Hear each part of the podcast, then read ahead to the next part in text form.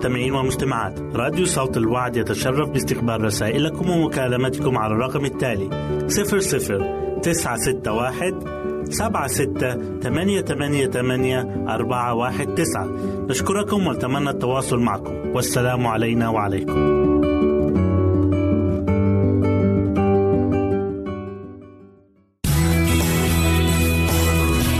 يمكنك استماع وتحميل برامجنا من موقعنا على الإنترنت. www.awr.org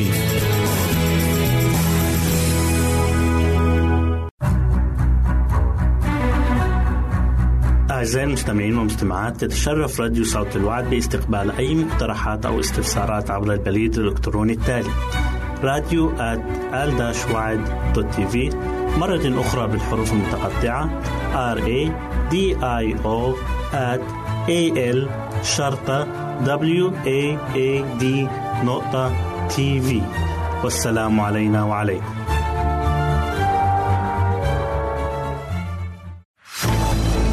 أعزائي المستمعين والمستمعات راديو صوت الوعد لا يكتفي بخدمتكم عبر الموجات الصوتية فقط بل وإنه يطرح لكم موقعا إلكترونيا يمكنكم من خلاله مشاهدة أجمل البرامج الدينية الثقافية الاجتماعية وغيرها من المواضيع الشيقة.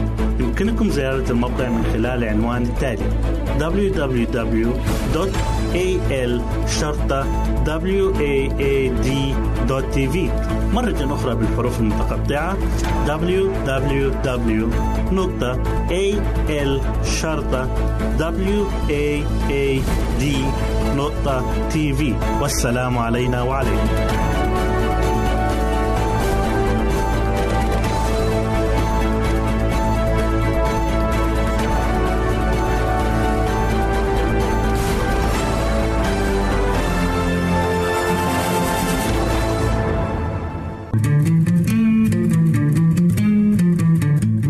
تستمعون إلى إذاعة صوت الوعي.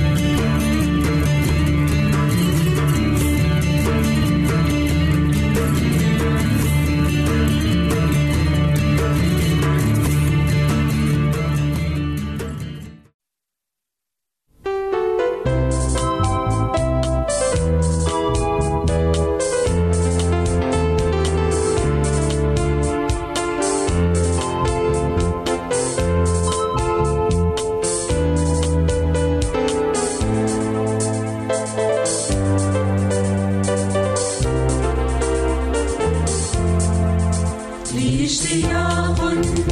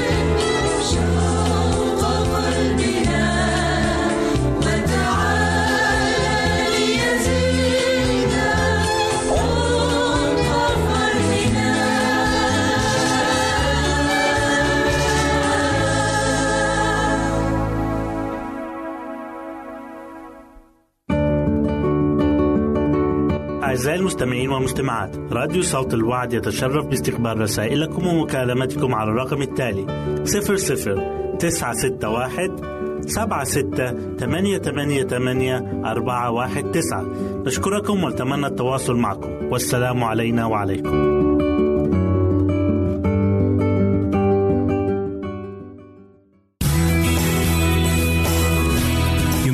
يمكنك استماع وتحميل برامجنا من موقعنا على الإنترنت www.awr.org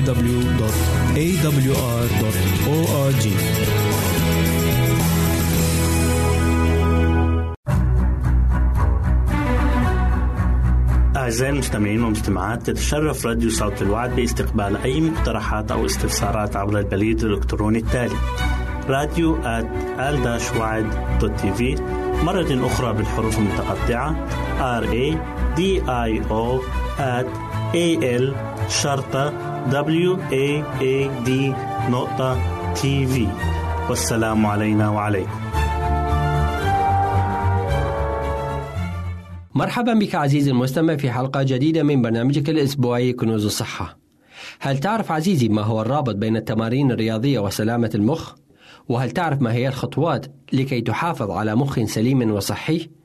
تعال معنا لنتعرف على هذه المعلومات من خلال هذه الحلقة التي تحمل عنوان التمارين الرياضية وعلاقتها بسلامة المخ.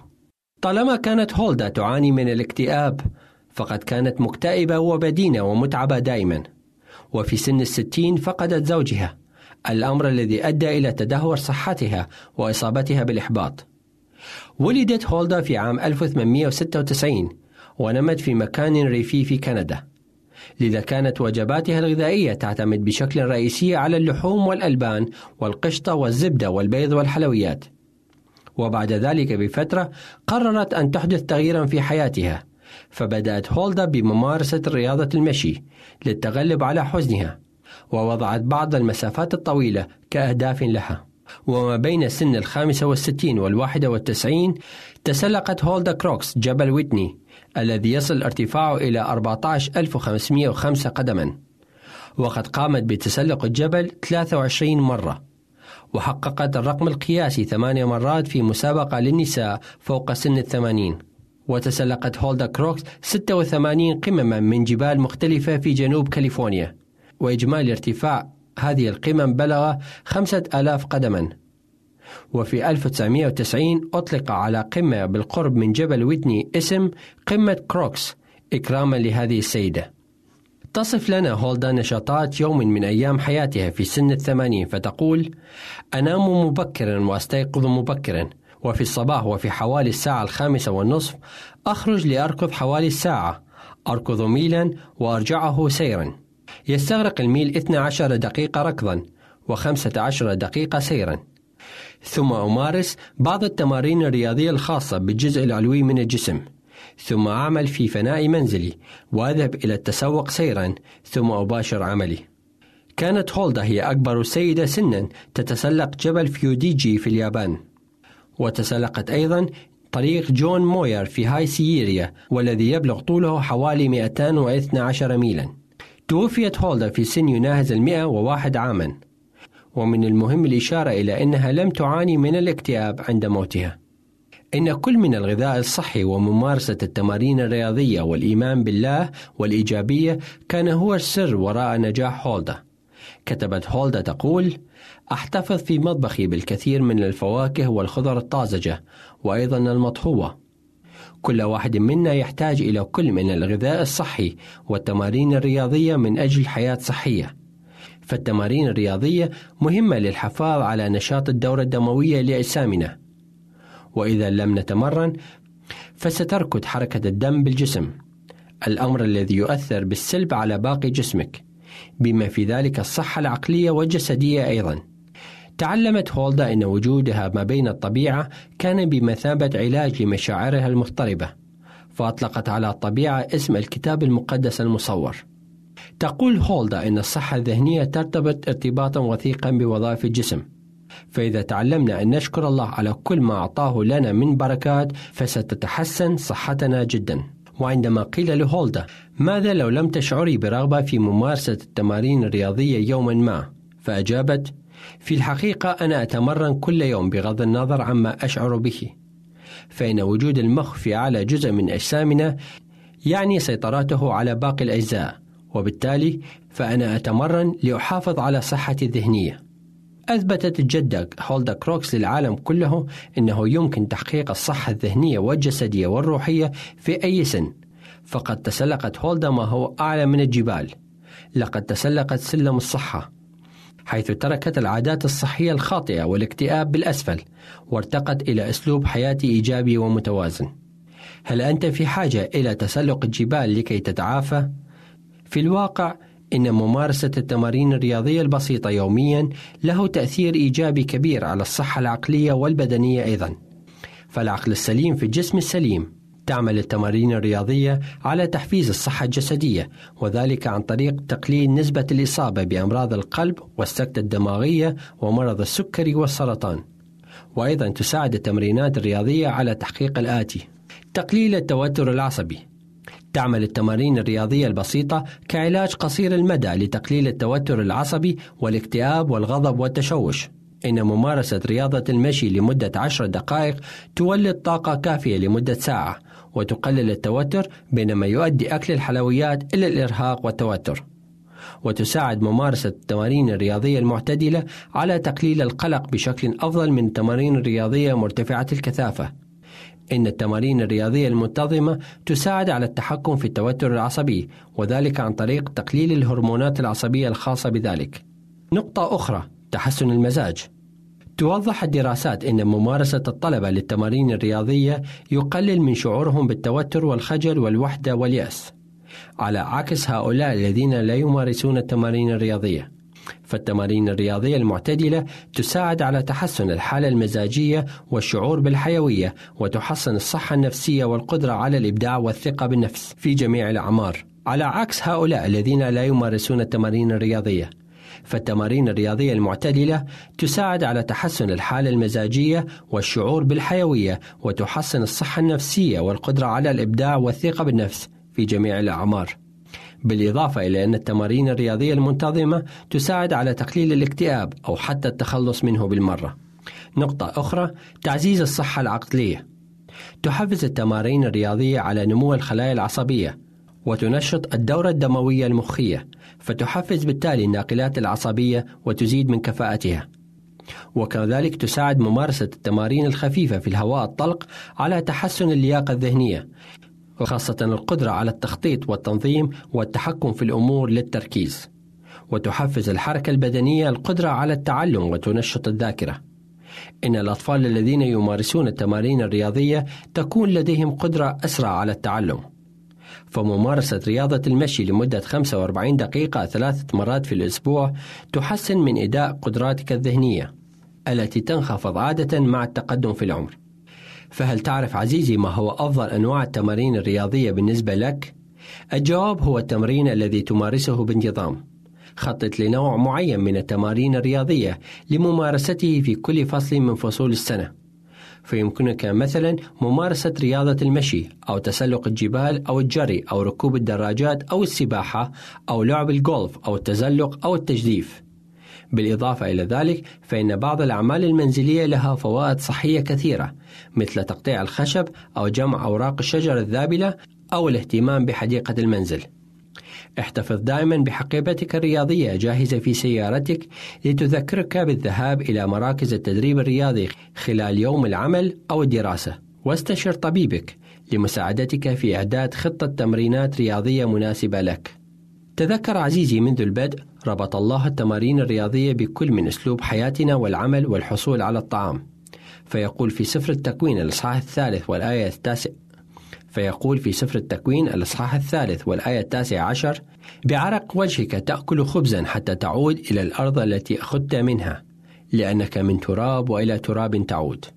فالحركة تؤثر تأثيرا إيجابيا على حالتنا العقلية والبدنية والعاطفية.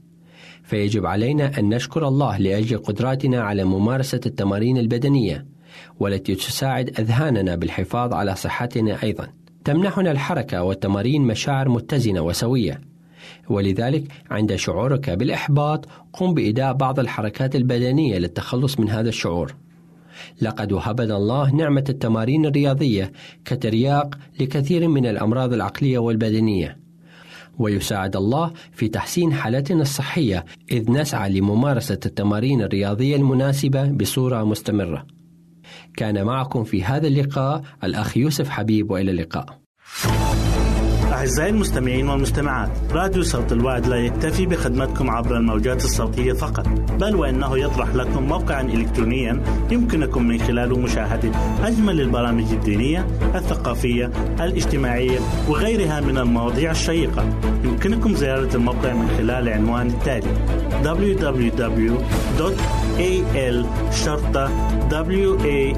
www.al-waad.tv مرة أخرى بالحروف المتقطعة www.al-waad.tv والسلام علينا وعليكم.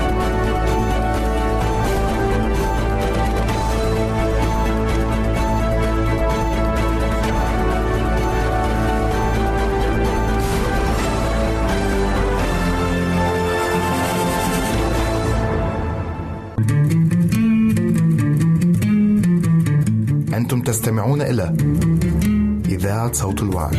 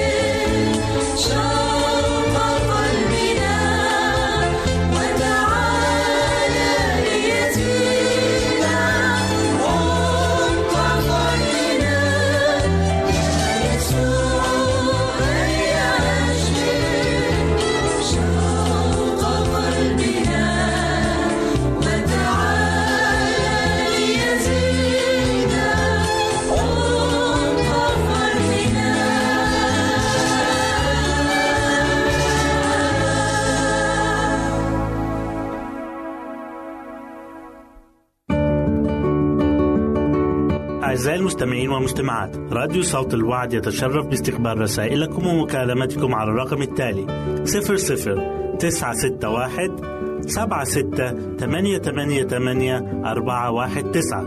نشكركم ونتمنى التواصل معكم. والسلام علينا وعليكم.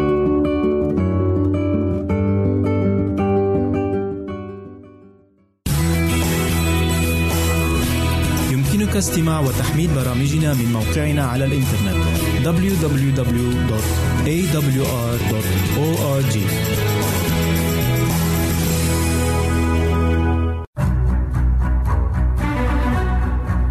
أعزائي المستمعين والمستمعات تتشرف راديو صوت الوعد باستقبال أي مقترحات أو استفسارات عبر البريد الإلكتروني التالي راديو تي في مرة أخرى بالحروف المتقطعة R A D I O at A L شرطة W A A D نقطة تي في والسلام علينا وعليكم.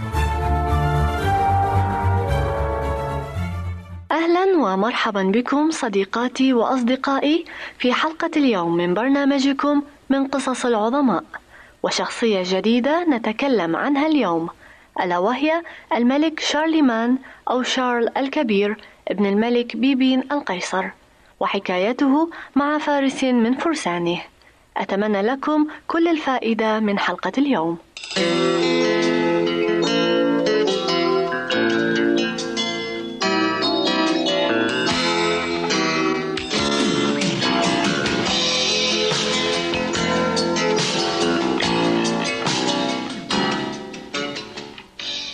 هذا البوق يعود لجدي تشارلز مارتل قال هذا شارليمان وهو يضع بوقا من العاج بين يدي رولاند الفارس الأول في جيشه. أدار رولاند البوق الأثري بين يديه وربت عليه بوقار وقال هل يمكنني أن أنفخ فيه؟ إذا استطعت. هذا ما قاله شارليمان وأكمل لا أحد بعد جدي كان يملك القوة الكافية للنفخ فيه. بكل حذر رفع رولاند البوق إلى شفتيه. وأخذ نفسا عميقا ونفخ بقوة حتى أن شارلمان نفسه قام بإغلاق أذنيه من شدة الصوت ثم قال إن بوق العاج هو لك فإذا وقعت في مشكلة أنفخ فيه وسوف آتي لإنقاذك. خلال السنوات التي تلت كان بوق العاج مرافقا لرولاند في كل ساحات المعارك ولكنه لم يستعمله ولا مرة. فقد كان كبرياؤه يمنعه حتى من مجرد التفكير أنه قد يحتاج إلى مساعدة الملك في إحدى معاركه. ولكن في أحد الأيام تعرض رولاند لاختبار كبير. فقد كان قائدا لجنود المؤخرة عندما كانت قطعات شارليمان تعبر جبال البرنس فأحاط به وبجنوده فجأة ألف من جنود العدو. انفخ بالبوق! حثه صديقه أوليفر. لا أجاب رولاند بفخر أستطيع أن أواجه الموقف بمفردي وأعطى أوامره لجنوده فابتدأوا الهجوم وتلامعت السيوف. وبالرغم من قتالهم الباسل إلا أنهم لم يصمدوا أمام العدو. وعندما سقط نصف جنوده اضطر رولاند على مضض أن ينفخ ببوقه العاجي. حمل صوت البوق عبر الجبال إلى أن وصل إلى مسامع شارلمان وهو على رأس جيوشه فاستدار بحصانه معطيا أوامره لجيشه بالعودة إلى الوراء ولكنه كان متأخرا. فوجد رولاند بين القتلى وكان بوق العاج لا يزال في يده. أعزائي الشبيبة كم مرة نشبه أنت وأنا رولاند وتمنعنا كبرياؤنا من الاعتراف بحاجتنا للمساعدة؟ نقاسي في المعركة مع الخطية ونخسر. في حين أن بإمكاننا الانتصار بمساعدة الله القدير. تذكروا أيها الأعزاء قول الحكيم سليمان في أمثال الأصحاح السادس عشر والآية الثامنة عشرة قبل الكسر الكبرياء وقبل السقوط تشامخ الروح. إن بوق العاج الذي في يديك هو الصلاة. فاستعمله صديقي قبل فوات الأوان. كانت معكم في لقاء اليوم رغدة سليم. تحية عطرة وإلى اللقاء. أعزائي المستمعين والمستمعات راديو صوت الوعد لا يكتفي بخدمتكم عبر الموجات الصوتية فقط بل وإنه يطرح لكم موقعا إلكترونيا يمكنكم من خلاله مشاهدة أجمل البرامج الدينية الثقافية الاجتماعية وغيرها من المواضيع الشيقة. يمكنكم زيارة الموقع من خلال العنوان التالي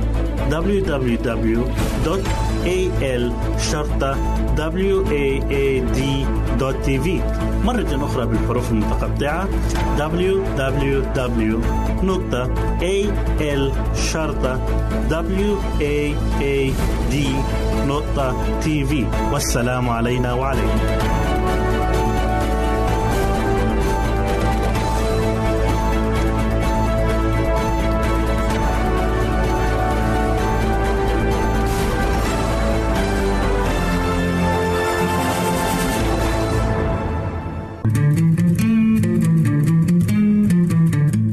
تستمعون إلى إذاعة صوت الوعي.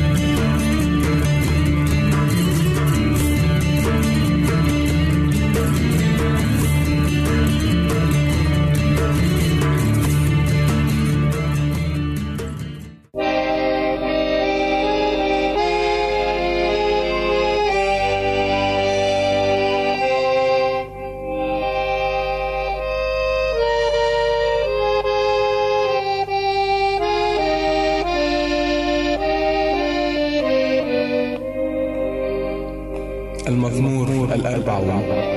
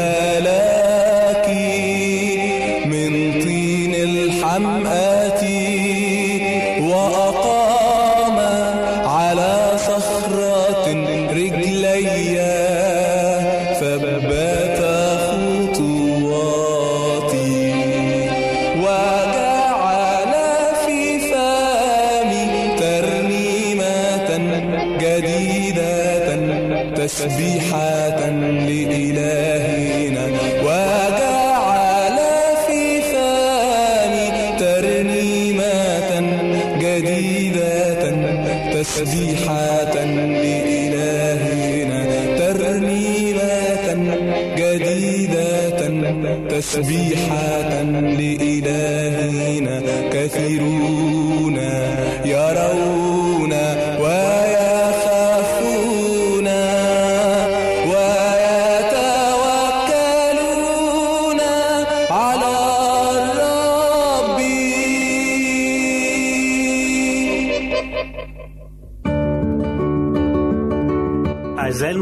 والمستمعات راديو صوت الوعد يتشرف باستقبال رسائلكم ومكالمتكم على الرقم التالي 00 961 سبعة ستة ثمانية ثمانية ثمانية أربعة واحد تسعة. نشكركم ونتمنى التواصل معكم. والسلام علينا وعليكم.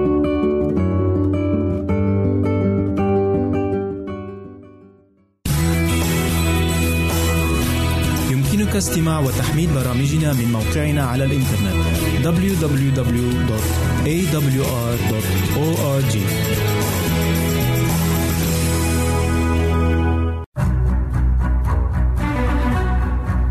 أعزائي المستمعين والمستمعات تتشرف راديو صوت الوعد باستقبال أي مقترحات أو استفسارات عبر البريد الإلكتروني التالي راديو في مرة أخرى بالحروف المتقطعة. R A D I O at A L شرطة W A A D نقطة تي في والسلام علينا وعليكم.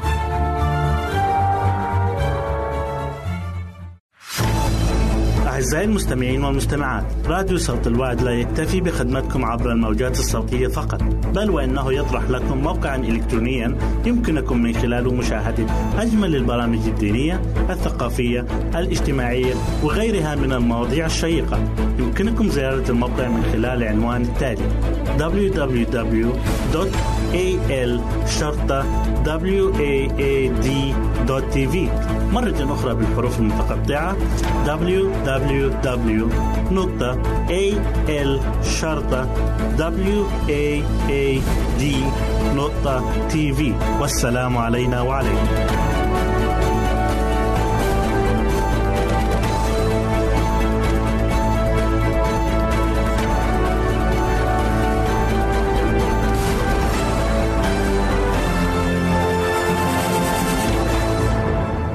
مستمعينا الأعزاء هذا برنامج بيتي جنتي وفيه تسلط الدكتورة منى الضوء على بعض الأمور التي تهم كل العائلات والدكتورة منى مؤلفة معروفة ومحاضرة واسعة الصيت ويسرنا أن تقدم لنا محاضرتها السادسة في سلسلة برامج بيتي جنتي وهي اليوم بعنوان تلبية احتياجات الأطفال.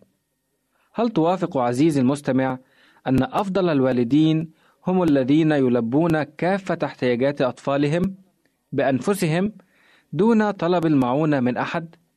من المحتمل أن معظم الوالدين يوافقون على أن أعظم الوالدين في العالم هم أولئك الذين يستطيعون تلبية احتياجات أطفالهم بأنفسهم.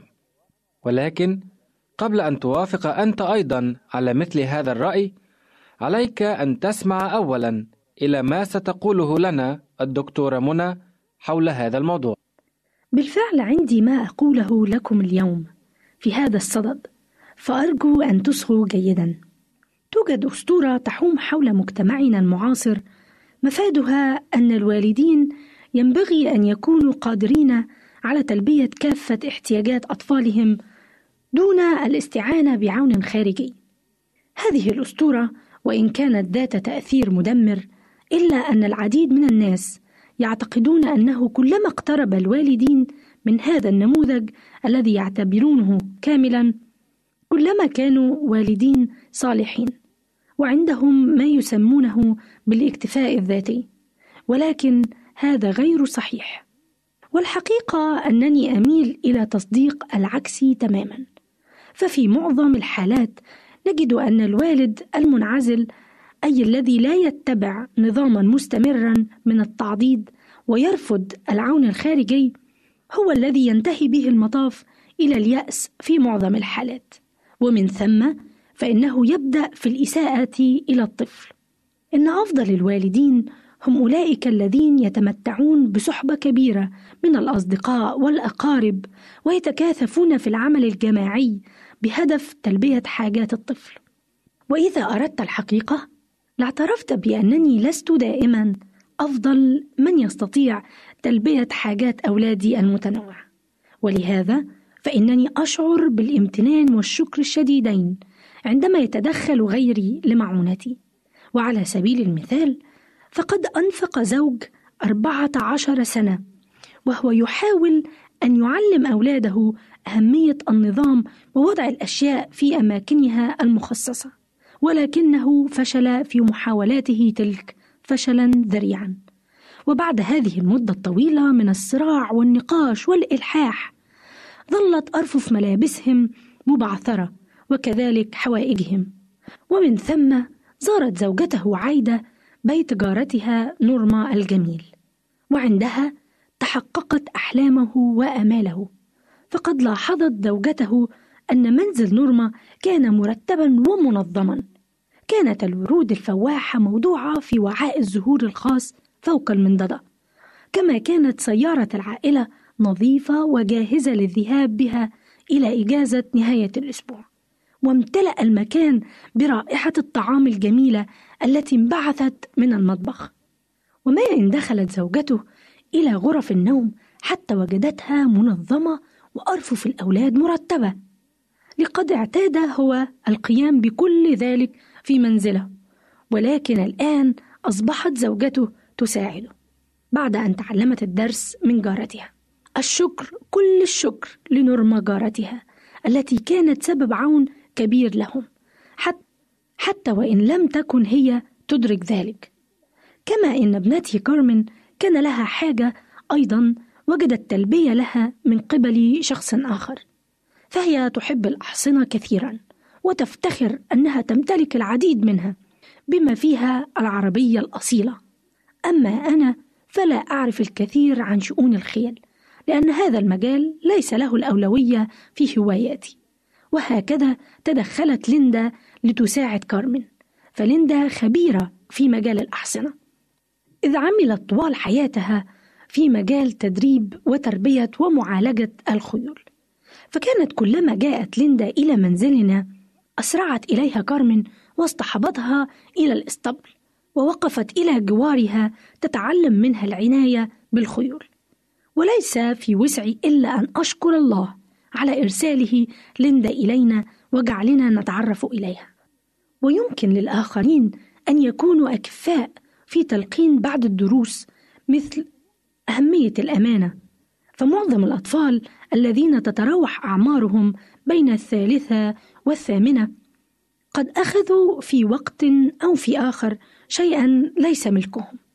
وفي البيت علمت الأم أن ابنها قد أخذ لعبة شخص آخر فتحدثت بجدية مع ابنها وتأكدت في النهاية من أنه أعاد ما أخذه واعتذر.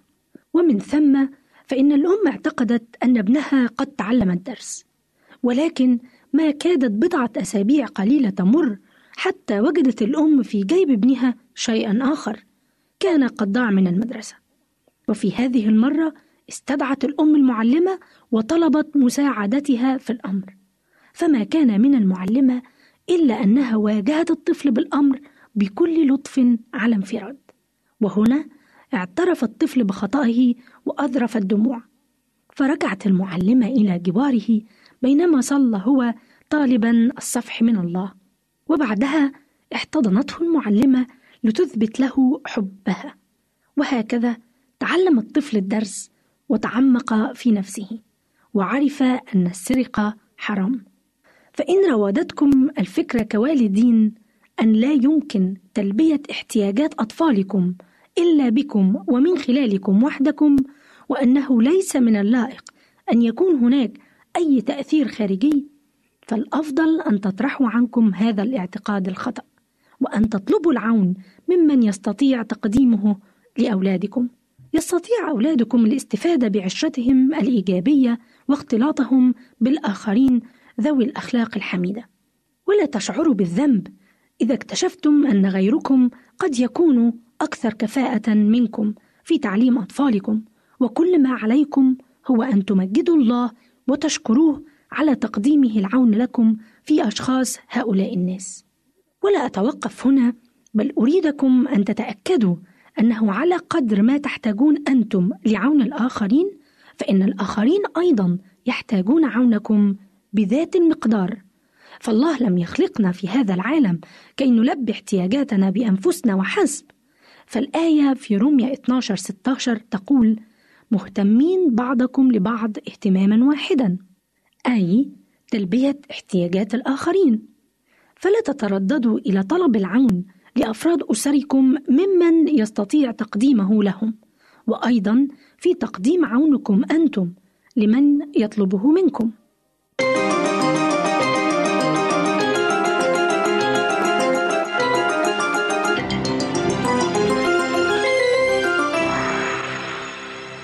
قدمنا لكم برنامج بيتي جنتي. بصحبة الدكتورة منى. مستمع الكريم كن على صلة بنا وأخبرنا برأيك في هذا البرنامج أو بما يخامرك من اقتراحات لجعل البرنامج أكثر جاذبية لك ولباقي المستمعين الكرام. لطفا اكتب لنا على عنوان إذاعتنا.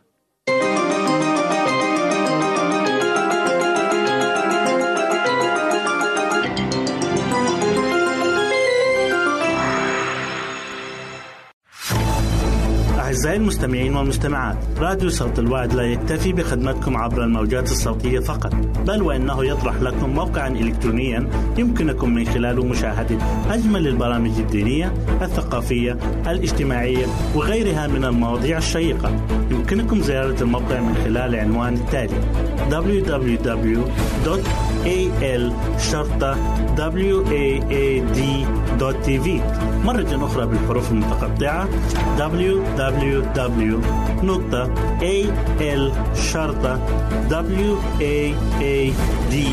www.al-waad.tv والسلام علينا وعليكم.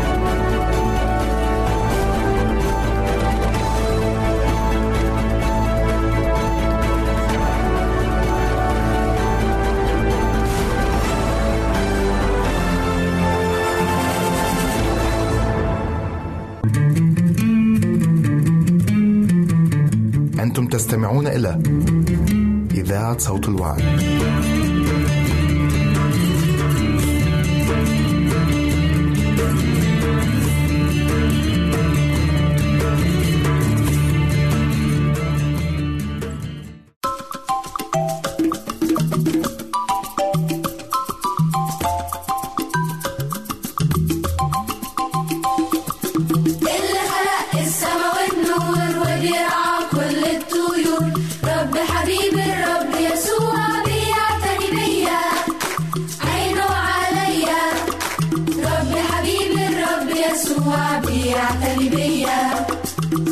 why.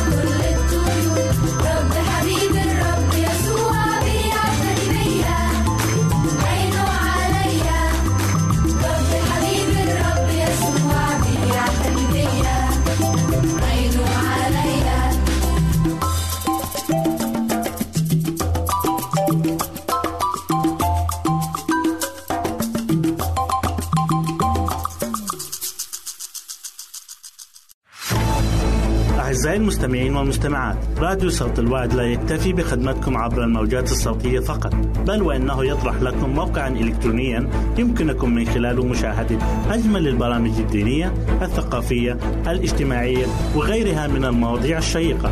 يمكنكم زيارة الموقع من خلال العنوان التالي www.al waad.tv مرة أخرى بالحروف المتقطعة. Www.al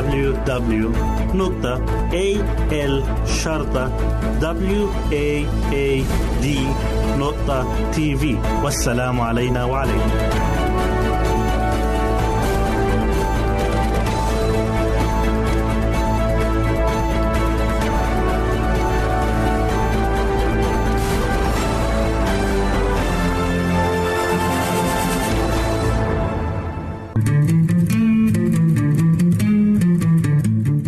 تستمعون إلى إذاعة صوت الوعد.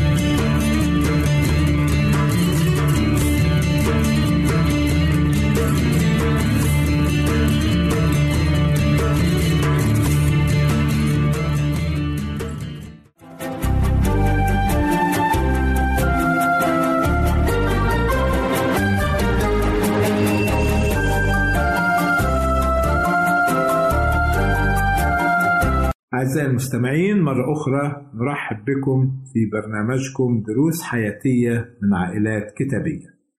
كنا قد تكلمنا سابقا كيف أن إبراهيم كان يخشى على إسحاق ابنه أن يتزوج بزوجة غير مؤمنة.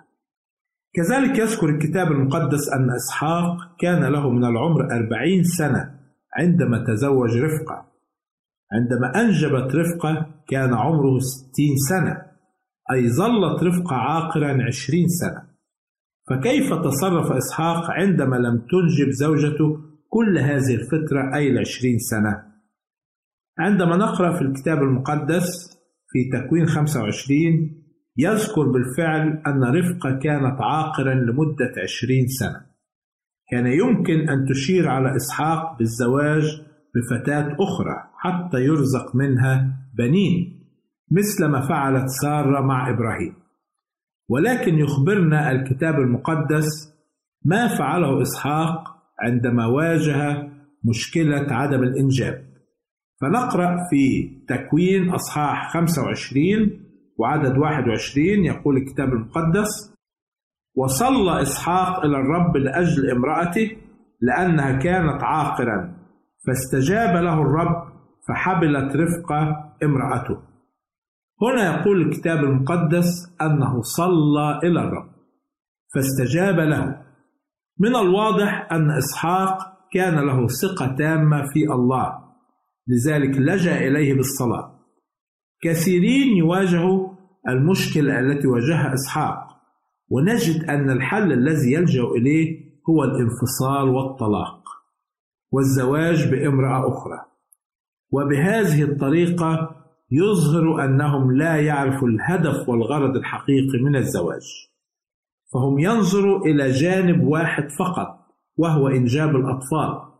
وينسوا أن الله أعطى الإنسان الزوجة معينة نظيره. دعونا نتذكر ما قلناه سابقا عن أبونا آدم. ماذا قال عندما خلق له الله المرأة وأحضرها له؟ قال هذه الكلمات هذه الآن عظم من عظامي ولحم من لحمي.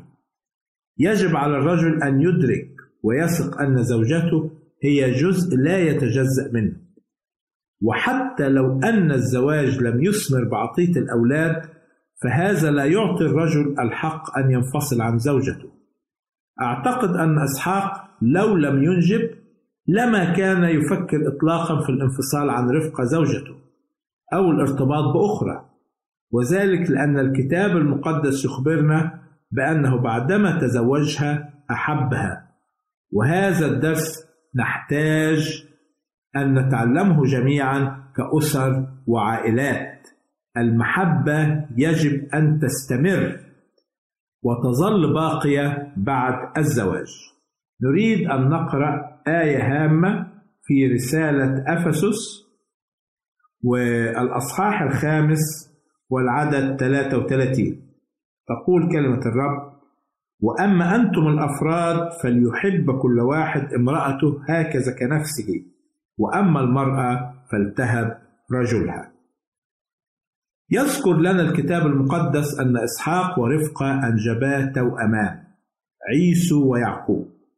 نريد أن نعرف كيف كان يتعامل الوالدان مع ولديهما. وما هو الدرس الهام الذي نتعلم في بيوتنا فيما يتعلق بالطريقة التي نتعامل بها مع أولادنا. هذا يدخل في صميم العائلة والبيت وهو الدرس الهام الذي يتعلق بتعاملنا كآباء وأمهات مع أولادنا. دعونا نقرأ تكوين 25 والعدد 28 يقول الكتاب المقدس فأحب إسحاق عيسو لأن في فمه صيدا وأما رفقة فكانت تحب يعقوب. هنا يظهر لنا في هذه الآية أن عيسو البكر كان الابن المفضل عند أبيه. في حين تظهر أيضا الآية أن رفقة الأم كانت تحب يعقوب أكثر من عيسو. وهنا تكمن مشكلة يتعرض لها كثير من الأسر والعائلات. أن يفضل أحد الوالدين ابنا أكثر من الآخر مثل ما فعل إسحاق ورفقة. إسحاق يفضل عيسو أكثر ورفقة تفضل يعقوب أكثر. ويمكن توجد أسباب وراء هذا سوف نتكلم عنها. ولكن مهما كانت الأسباب لا يجب أن نعامل أحد أبنائنا أفضل من باقي إخوته لأن هذا يمكن أن يخلق الغيرة والكراهية في قلب باقي الإخوة. ويخلق نوع من الغرور والأنانية عند الابن المحبوب أو الابن المفضل. لذلك نقرأ وصية الرب لنا كآباء وأمهات في أفسس ستة وعدد أربعة تقول وأنتم أيها الآباء لا تغيظوا أولادكم بل ربوهم بتأديب الرب وإنذاره. أعزائي المستمعين في ختام هذه الحلقة سعدت أن أكون معكم وإلى لقاء جديد وحلقة جديدة. سلام الرب يكون مع جميعكم. نرجو التواصل معنا عبر هذه العناوين. للتشات www.al-waad.tv وللرسائل radio at al-waad.tv والاتصال عبر الواتساب 961 76 888 419 961 76 888 419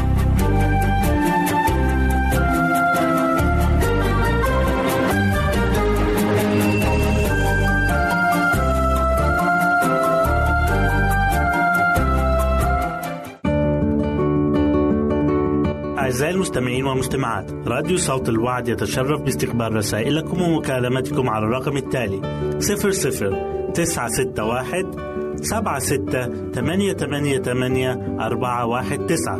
نشكركم ونتمنى التواصل معكم. والسلام علينا وعليكم.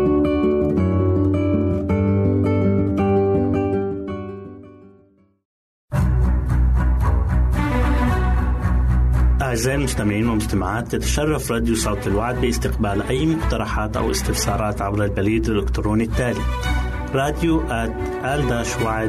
TV مرة أخرى بالحروف المتقطعة R A D I O A L شرطة W A A D نقطة TV والسلام علينا وعليكم.